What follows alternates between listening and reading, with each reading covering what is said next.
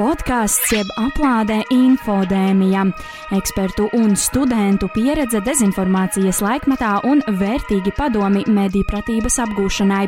Pirmdienās pulksten piecos radio nabēterā un mūzikas straumēšanas vietnēs.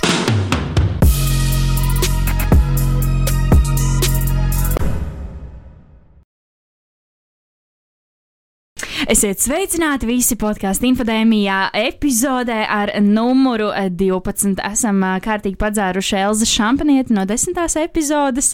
Un, un, un, un šodien turpinām, turpinām tad apskatīt dažādas, dažādus vēl joprojām ar, ar šo pandēmijas laiku un informāciju saistītus tematus. Un šodien mēs esam sazinājušies ar Veltu skolmeistari, kas mums ir arī. Uh, pasniedzēja. Pagājušajā gadā mums tieši pirms gada sāka vadīt lekcijas kursā sociālie mēdīji un digitālais laikmets, jā, ja nemaldos tā.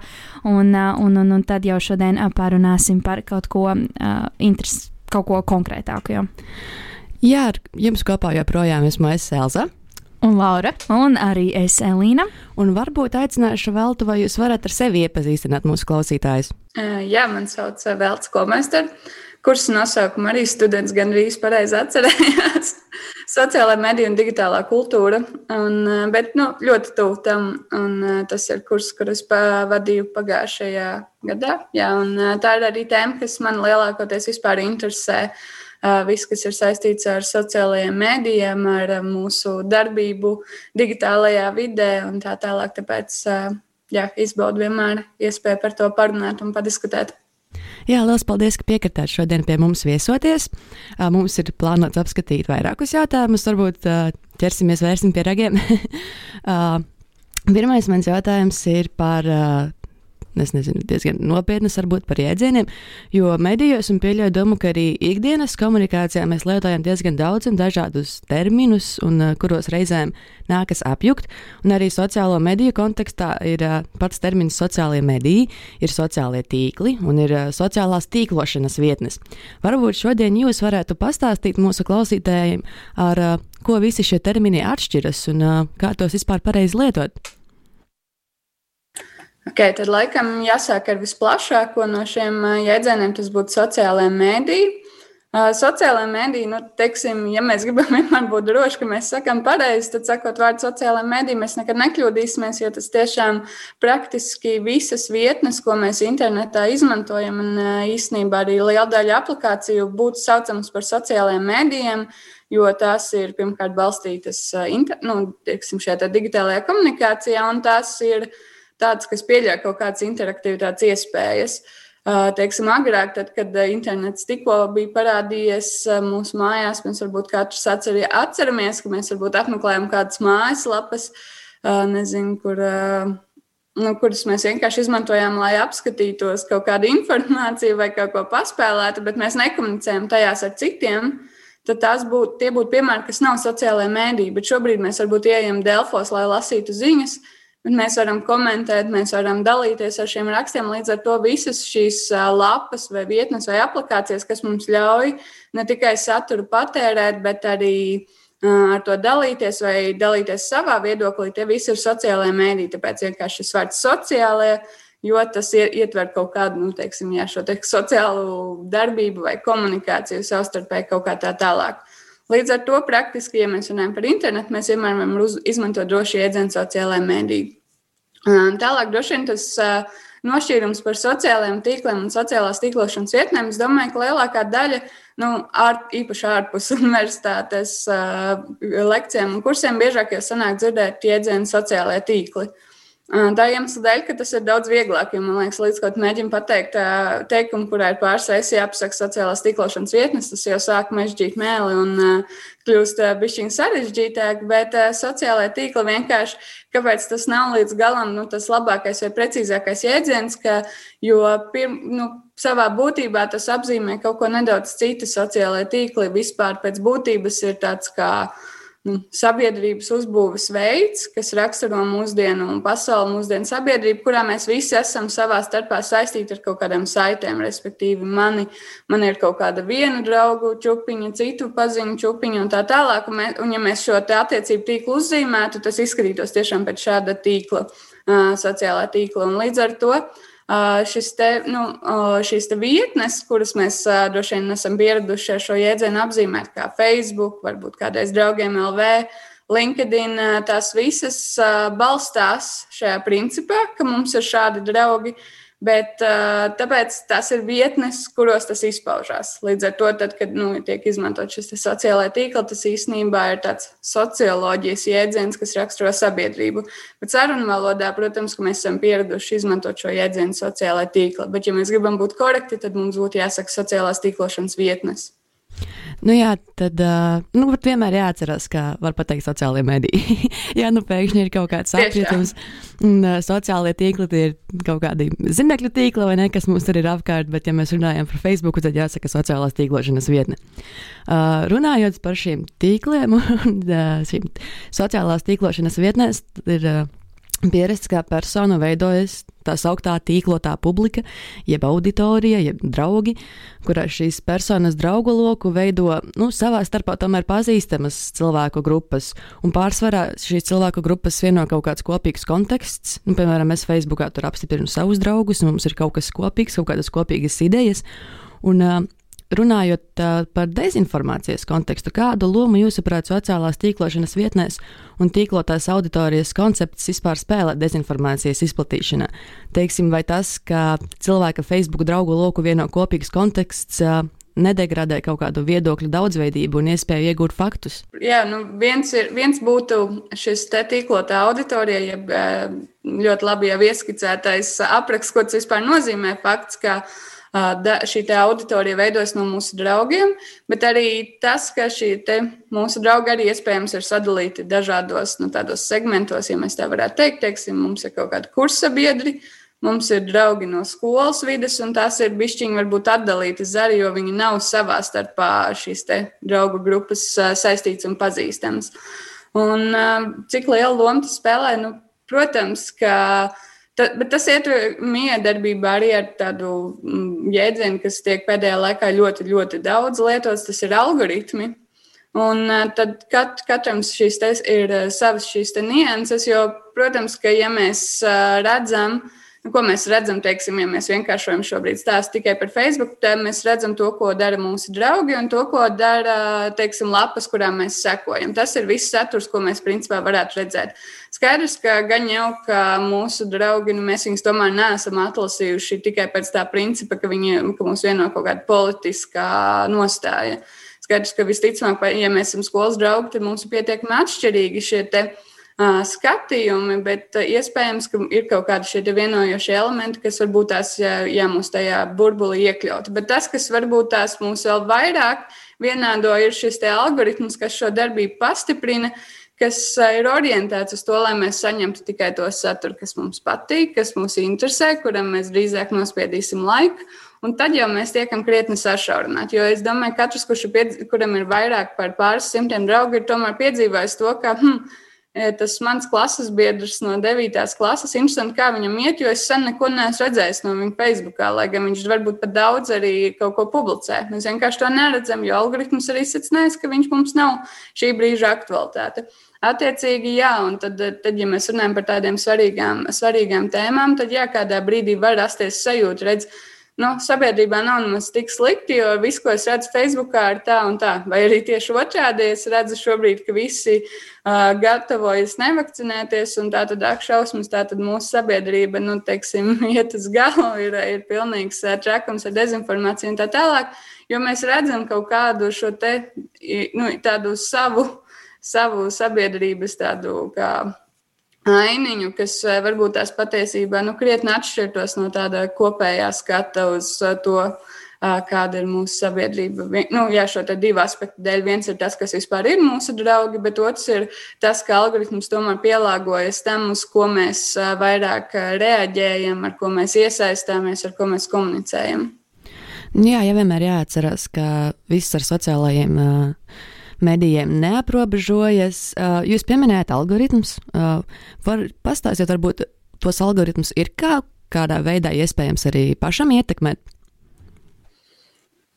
Uh, vai to var ietekmēt? Nu, droši vien mērķiecīgāk, nu, varbūt tās darbojas. Bet es teiktu, nu, nu, grūti pateikt, man liekas, ka ietekmēt gluži nevar, lai gan nu, teiksim, ir kaut kādi pētījumi, kas parāda, ka ir. Uh, vairāki veidi, kā mēs mēģinām viņus ietekmēt. Piemēram, mēģinot darīt pretējas lietas, teiksim, ja zinu, ka algoritms man radīs to, tādu un tādu informāciju, tad, teiksim, es daru maksimāli kaut kādas pretējas lietas, meklēju pretējas lietas, un savukārt tās tēmas, kas man ir jūtīgi svarīgas, tad es viņas izmanto, skatos, teiksim, izmantojot, jūs zināt, pārlūku programmās ir tas, tas ko sauc par, piemēram, inkognito režīmu vai nu, šo te neatpazīstamo režīmu, kurā mūsu dati nesaglabājas. Tas būtu viens eh, variants, kā pretējs. Otrs, citi cilvēki, kas uh, savukārt domā, ka no nu, algoritms ir tāda forša lieta, jo tad man vismaz nav jāskatās saturs, kas man patiesībā nemaz neinteresē.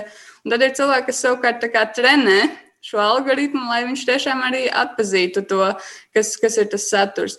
Bet, teiksim, ja mēs runājam par to, kas būtu svarīgi un kā, ko būtu svarīgi darīt, tad drīzāk man liekas, ir uh, svarīgi apzināties to, ka šie algoritmi vispār pastāv. Un eh, vienkārši zināt, ka fakts, ka, piemēram, man tiek rādīta bieži tāda un tāda reklāma, nav tāpēc, ka šī reklāma, eh, šis kaut kāds produkts ir kļuvis par nu, tādu trendu lietu, bez kuras es nevaru dzīvot, bet vienkārši tāpēc, ka algoritms ir izsacinājis, ka, ka man tas varētu patikt. Un nu, man pašai arī, protams, ir tā gadījies, ka es pirmo reizi paskatos uz reklāmu un domāju, nu, jā, jā, nu, nu, forša lieta, bet nē. Un vienkārši tad, kad tu jau piekto reizi skaties un domā, nu, kāpēc es viņu nevarētu nopirkt. Nu, teiksim, ka, ja mēs biežāk apzināmies, ka mums šī informācija tiek pilināta un ka mēs varbūt skatāmies uz šo šaurāku loku, tad jau mēs vienkārši domājot jēgpilnāk par to, kāpēc mēs kaut ko darām un, un kāds ir tiešām mans viedoklis, nevis tas, kas, kas man ir radies priekšstats. Nu, tas ir tāds izaicinošs darbs drīzāk ar sevi mēģināt saprast ko es patiešām domāju, ko man patiešām vajag un kāda, man, kāda ir mana personiskā nostāja šajos jautājumos. Lai gan, protams, ka mēs jau vairs nekad neuzzināsim tādu savu personisko, personisko viedokli, tāpēc, ka mēs esam jau ļoti ietekmējušies, bet, nu, principā jau sen pa vēlu. Es domāju, mums katram tās nostājas jau ir spēcīgi noformējušās. Nu jā, šodien sociālo mediju kontekstā mēs vēlējāmies pieskarties arī tādai tēmai kā paudzes. Mm, droši vien ik viens ir dzirdējis, vai lielākā daļa par tādām paudzēm kā Z un X un par baby boomer paudzi, bet ne visi varbūt ir dzirdējuši un saprot to nošķīrumu digitālie iezemieši, kolonisti, digitālie imigranti. Varbūt jūs varētu mums visiem pastāstīt, kas tas ir. Mm, jā, man liekas, tas aspekts, kurā mums tas liekas tāds varbūt svešs un neierasts, ir tieši latviešu valodā. Uh, Jo angļu valodā šis, piemēram, jēdziens digitālais iezemietis, kas nu, izklausās arī dišķi neveikli, tas ir digital native. Un, man liekas, ka šo jēdzienu varbūt tās vairāk būtu dzirdējuši, vai vismaz nu, jā, tas būtu tāds dabiskāks. Bet jā, tā ideja, ja mēs tagad mēģinām raudzīties uz metafor tā metaforas, kāpēc vispār tādi vārdi tiek izmantoti, ir, lai nošķirtu to, ka ir cilvēki, piemēram, šajā gadījumā, teiksim, digitālajie iezemieši, tātad viņi ir vietējie. Nu, mēs varētu tikpat labi teikt digitālajie vietējie, bet tas vienkārši neskan labi. Tie ir cilvēki, kuri savā ziņā ir uzauguši šajā digitālajā pasaulē, nu, nu, uzauguši tādā ziņā, ka viņu pieredze ar šo te tehnoloģijām ir sākusies ļoti agri. Un es domāju, ka mēs ar tādām elementārām psiholoģijas pamatzināšanām varam izsacināt to, ka tās lietas, kas, ko mēs mācāmies bērnībā, tās mums ir daudz dabiskākas nekā tās, kuras mēs mācāmies varbūt tās 30, 40, 50 gadu vecumā. Nu, tāpēc mēs mācāmies runāt pietiekami agri, vai saka, ka bērni ātrāk iemācās svešvalodas, ja to dara bērnu dārzā vai pirmajās klasītēs, nekā nu, vēlāk kursos. Okay. Un tātad tas pats, to mēs kā, mēģinām pārnest arī šo digitālo vidi. Tātad digitālajie iezemieši cilvēki, kas varbūt ir izauguši ar to, ka viņš nu, principā ir piedzimis un viņam mājās jau ir bijis dators. Attiecīgi, tas nav nekas svešs un nav tādu atmiņu, ka o, mums tagad pirmo datoru nopirkt tajā un tajā vecumā. Un tad, attiecīgi, šie pretstati, kā piemēram nu, šīs te, nu, paudzes, kas vienkārši ieceļo vidē, tā, šajā digitālajā vidē no malas. nezinu, 30 gadu vecumā viņš sāk pirmo reizi skatīties internetu. Un vienkārši šis nošķīrums starp kolonistiem un imigrantiem ar domu, ka daži varbūt tās joprojām vienmēr paliks tādi, tā kā, ja mēs varētu sarunu valodā teikt, outsideri, kas, kas nu, varbūt tās kādreiz izmanto šo vidi, bet nejutīsies tajā labi. Un citi, kas varbūt tās, ka vienalga, kurā vecumā viņš to ir sācis lietot, vienkārši vai nu darba iemeslu dēļ, vai vienkārši tāpēc, ka tā ir viņa tāda nu, prāta spēju funkcija, ka viņš ļoti labi pielāgojas šai videi.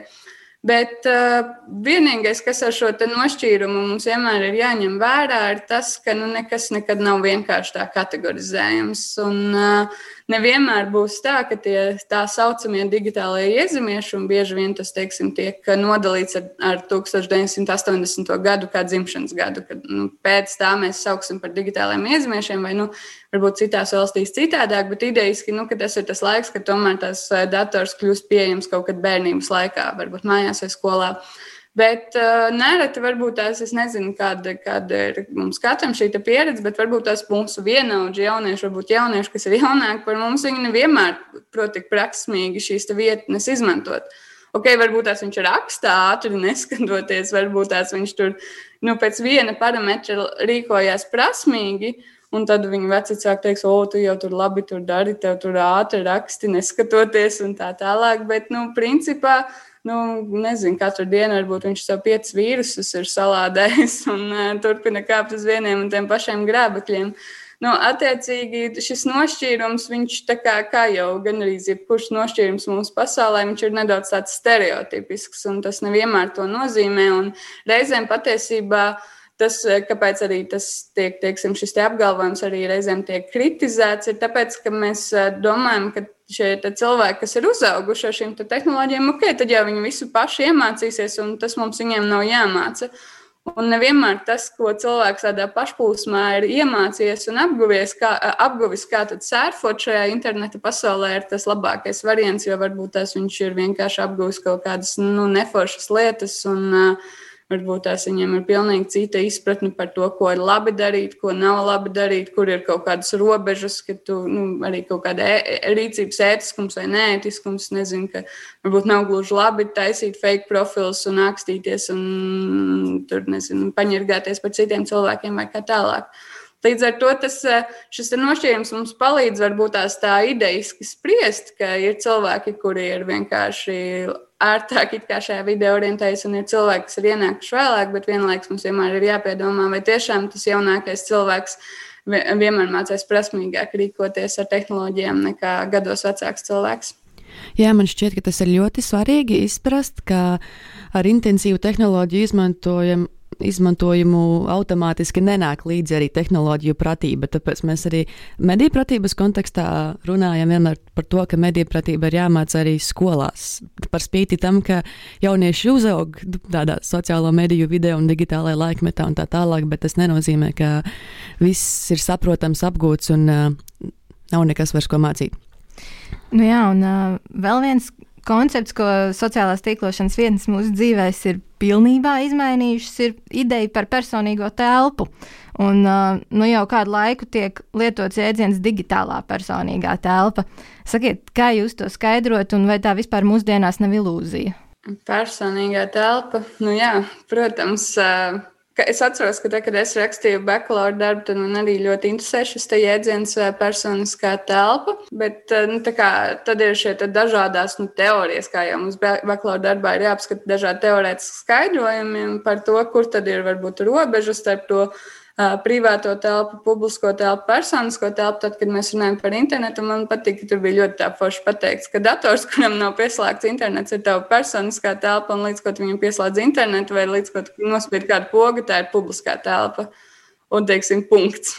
nu, protams, ka mēs tālāk tur varam niansēs jau runāt, bet, jā, nu, ja mēs runājam par to ilūziju, tad nu, es vienkārši pieturos pie tās pieejas vispār dzīvē, ka, ja tu, nu, teiksim, ievēro to stingrāko principu, un tev dzīve būs vieglāka. Respektīvi, ja tu nemēģināsi atrast to robežu, kur tad varbūt tas šī vēl varbūt ir mana privātā telpa, un tagad es tur varu kaut kādas lietas tur atklāt, nu, tad, tad tur vienmēr būs tāda maldīšanās. Man liekas, ka, um, teiksim, ja mēs runājam pa laikam saistībā ar kādu no lielajiem šiem platformām ir kādi skandāli. Kādu laiku bija skandāli par Google un to, kā viņi tur nopludina kaut kādus datus, tur nezinu par Google maps fotografijām, un tur vesels cits stāsts un tā tālāk. Nu, cilvēki ir taisot to street view, ja nu, ielas skatu ir nofotografēti, varbūt tās brīžos, kuros viņi ne, negribētu būt no, nofotografēti. Nezinu, tur kāds krāpjot savu draugu un pastaigājoties ar citu vai kā tālāk. Un tad nu,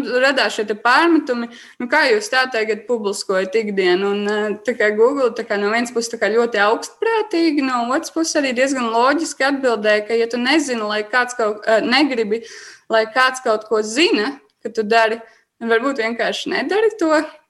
Nu, Man, liek, nu, man liekas, šī ir tāda perspektīva, no kuras ir ļoti viegli dzīvot. Protams, mēs te teiktu, ka tā nedrīkst teikt Facebook vai Google par mums, bet no otras puses, ja mēs no, domājam par pašu par savu rīcību, man liekas, tas ir ļoti labs princips, pie kura pieturēties. Respektīvi, ka okay, mēs vienmēr varbūt tās domājam. Nu, labi, WhatsApp, vai nu, tagad, protams, WhatsApp atkal zaudē savu statusu ar uh, drošību un privā, datu privātumu un tā tālāk. Bet nu, labi, ir šīs vietnes, kas mums sola, ka mēs tur šifrēsim pēc tādām un tādām metodēm, un viss, ko tu šeit rakstīji, ir droši un tā tālāk.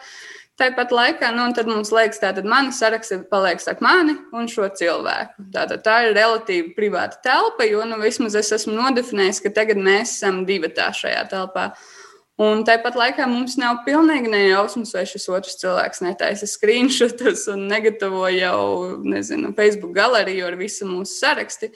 Bet pat ja mēs varbūt nevērtējam viņu tik zemu, tad tikpat labi varbūt tās mēs esam viņam tagad uzrakstījuši brīdī, kad viņš gribot, negribot atrodas blakus saviem draugiem. Un viņam pāri plecot, plecam skatās kāds uh, draugs, kuram liekas forši skatīties, ko otrs dara telefonā un kurš arī vienkārši nejauši lasa šīs sarakstus. Līdz ar to, tur, kur mums liekas, ka mēs varam novilkt tādas krasas robežas un pateikt, ka šī ir tāda droša vide, jo te ir tie un tie cilvēki, vai tas pats, kas ir Facebook ar šiem privātuma ierobežojumiem.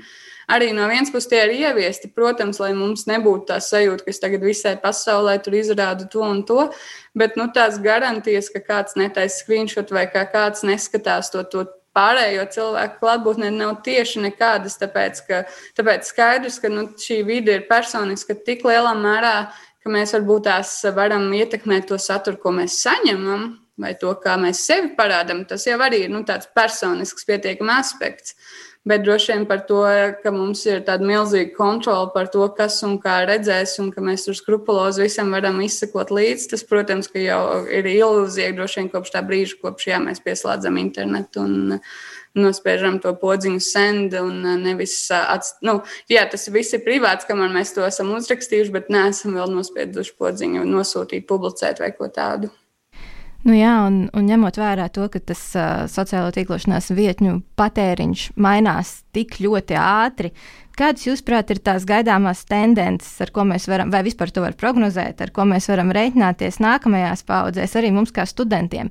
Mēs mācāmies par šodienu, bet mums jau noteikti interesē arī, kas, jūsuprāt, varētu sekot pēc, pēc digitālajiem iezemiešiem.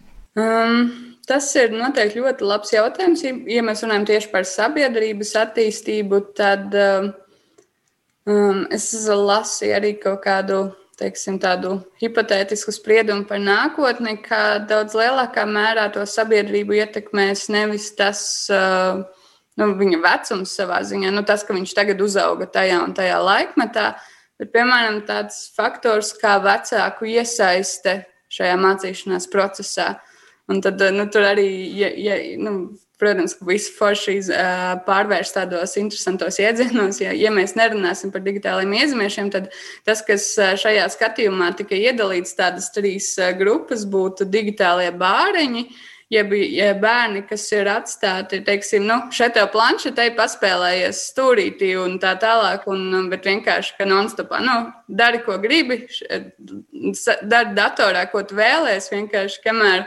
kamēr tu, nezini, neesi notērējis mammai visu kredītkartes naudu, un mums tur nepienāk, nezinu, kādas paciņas, tikmēr dari, ko tu gribi, attiecīgi.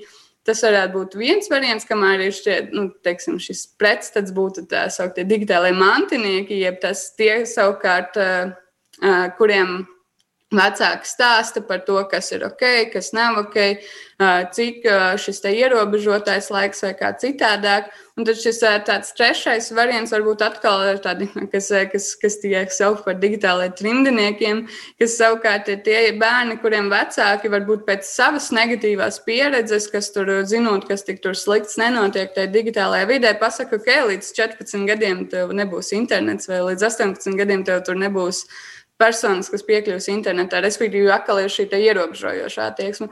Un šie trīs dažādie nu, cilvēku veidi, kas nu, mēs katrs varam noteikti iedomāties vienu piemēru nu, no savu nezinu, draugu paziņu loka.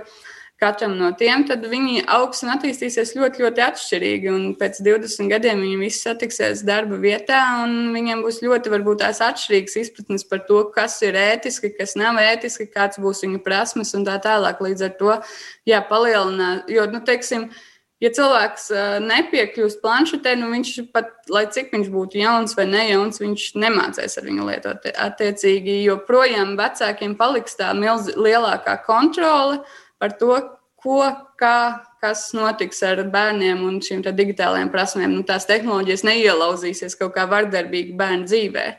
Līdz ar to tā ir tāda milzīga atbildība. Bet, ja mēs skatāmies uz vietņu attīstību, nu, tad uh, es domāju, ka mēs uh, redzam pagaidām, nu, ka teiksim, no Facebook vai draugiem, kur mēs rakstījām ļoti daudz garākus tekstus, pārgājām uz Twitter ar super īsiem messageiem.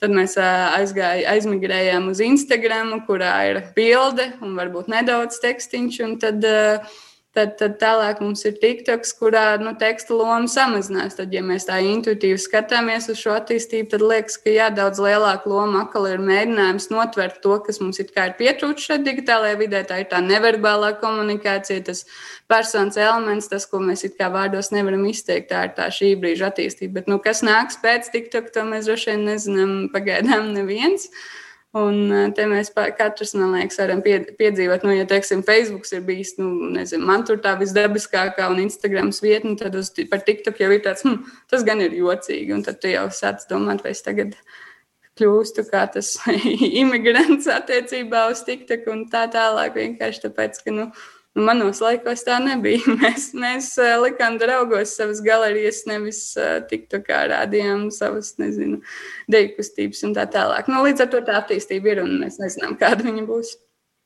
Jā, es uh, ceru, ka nākotnē būs hologrammas, ar kurām nezinu, pārvietoties tas, laikā tā, tā, tas telpā. jau būtu ļoti interesanti, Jā. tā 3D pilnīgi. Diemžēl nu, šī... to jau mums solīja šajā gadā. Es domāju, ka, ja mēs skatītos, nu, atcerētos, ko mēs 90. gados domājam, vai 2000. sākumos, kāds būs 2020. gads, Mēs noteikti iedomājamies, nezinu, kā Jetsonas, ka tur viss lidinās pa gaisu un uh, skatās hologrammas un tā tālāk. Bet pagaidām mums ir TikToks.